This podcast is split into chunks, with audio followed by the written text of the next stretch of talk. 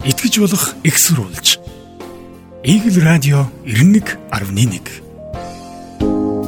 Игэл цэгийн сайтын онцлог нийтлэлээс вакцинжуулалтын дараа хүндрэл гарвал төрөөс тэтгэмж олгох хуультай.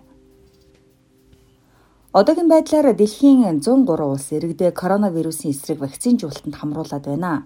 Дэлхий дээр өдөрт дунджаар 6.7 сая хүн вакцинжуулалтанд хамрагдаж байгаа юм. Үүнийг улсаар нь тооцвол нэг улсад өдөрт 65 мянга гаруй хүн вакцинжуулалтанд хамрагдаж байна гэсэн үг. Вакцины үйлдвэрлэгч улс орнууд иргэдээ олноор нь вакцинжуулалтанд хамруулж байгаа.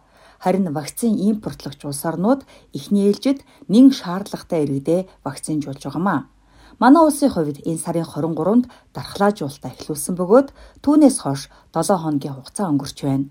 Өнөөдрийг хүртэл коронавирусын эсрэг нүүр тулан ажиллаж байгаа 9531 албаа хаагчдаа дархлаажуулаад байгаа тухай халдвар төвчин судлалын үндэсний төвөөс мэдээллээ. Халдвар төвчин судлалын үндэсний төвийн дархлаажуулалтын албаны дарга Дашпагам 22 нэгжээр 9531 хүний вакцины хамрууллаа. Вакцины дэрүүд мэндийн байгууллагын ажилтан COVID-19 халдварын эсрэг хариу арга хэмжээнд оролцож байгаа багийн гишүүд болон вакцинжуулах ажиллагаанд даачлагдан ажиллаж байгаа бусад мэрэгжлийн хүмүүс хамрагдсан. Вакцины заавар дээр байгаа хариу урвалууд вакцинд хамрагдсан хүмүүст илэрч байна. Вакцинд хамрагдсан хүмүүсийн 50-аас 60% нь хариу урвал илэрхээр байгаа.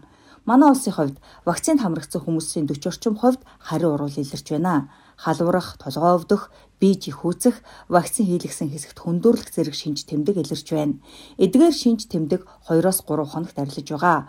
Одоогоор вакцины дараах ноцтой хүндрэл, урвал илрээгүй гэсэн юм. Манай улс 2000 онд батлагдсан дархлаажуулалтын хуультай. Энэ хуулийнхаа дагуу иргэдэд дархлаажуулдаг.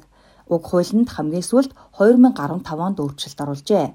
Энэ хууль нь дархлаажуулалтын бүхэл процессыг зохицуулдаг. Одоо хийгдэж байгаа коронавирусын эсрэг дархлаажуулалт ч мөн энэ хуулиар зохицуулагдаж байгаа юм. Манай улсын хууль тогтоомжийн дагуу вакцины нь сайн дурын үндсэн дээр хийгддэг. Тодруулбал эргэн вакцин хийх хэсгээ өөрөө шийддэг гэсэн үг. Үүнийг дархлаажуулалтын тухай хуульд дараах байдлаар зохицуулсан байдаг юм а. Үүнд 6-гийн 2-т эргэн дархлаажуулалтын талаар дараах үүрэг хүлээн. 6-гийн 2-ын 1-т эрүүл мэндийн байгууллагын зөвлөмж шаардлагын дагуу сэргийлэх тарилга хийлгэх. 6-гийн 2-ын 2-т сэргийлэх тарилгаас татгалцсан бол түүнийг бичгээр баталгаажуулах. 6-гийн 2-ын 3-т сэргийлэх тарилгад хамрагдах хугацааг эрүүл мэндийн байгууллагаас албан ёсоор мэдгдсэн тохиолдолд сэргийлэх тарилгаас хоцрохгүй байх. 6-гийн 2-ын 4-т олон улсын эрүүл мэндийн дүрэн болон Монгол улсын олон улсын гэрээний дагуу тодорхой нэрийн сэргийлэх тарилга хийгдэх ёстой улс орн зорчих тохиолдолд шаардлагатай тарилгыг хийлгэх. Харин сайн дурын үндсэн дээр вакцинжуулалтанд хамрагдсан ч хүндрэл гарсан тохиолдолд тухайн хүндрэлийг арилгах асуудлыг төр хариуцахаар хуульчилжээ. Дархлаажуулалтын тухай хуулийн 5.1-ийн 3-т сэргийлэх тарилгын дараа хүндрэл гарсан тохиолдолд иргэдэд ердийн өвчний адил тэтгэм залгамжны заасан байдаг юм. итгэж болох экссурулж. Игэл радио 91.1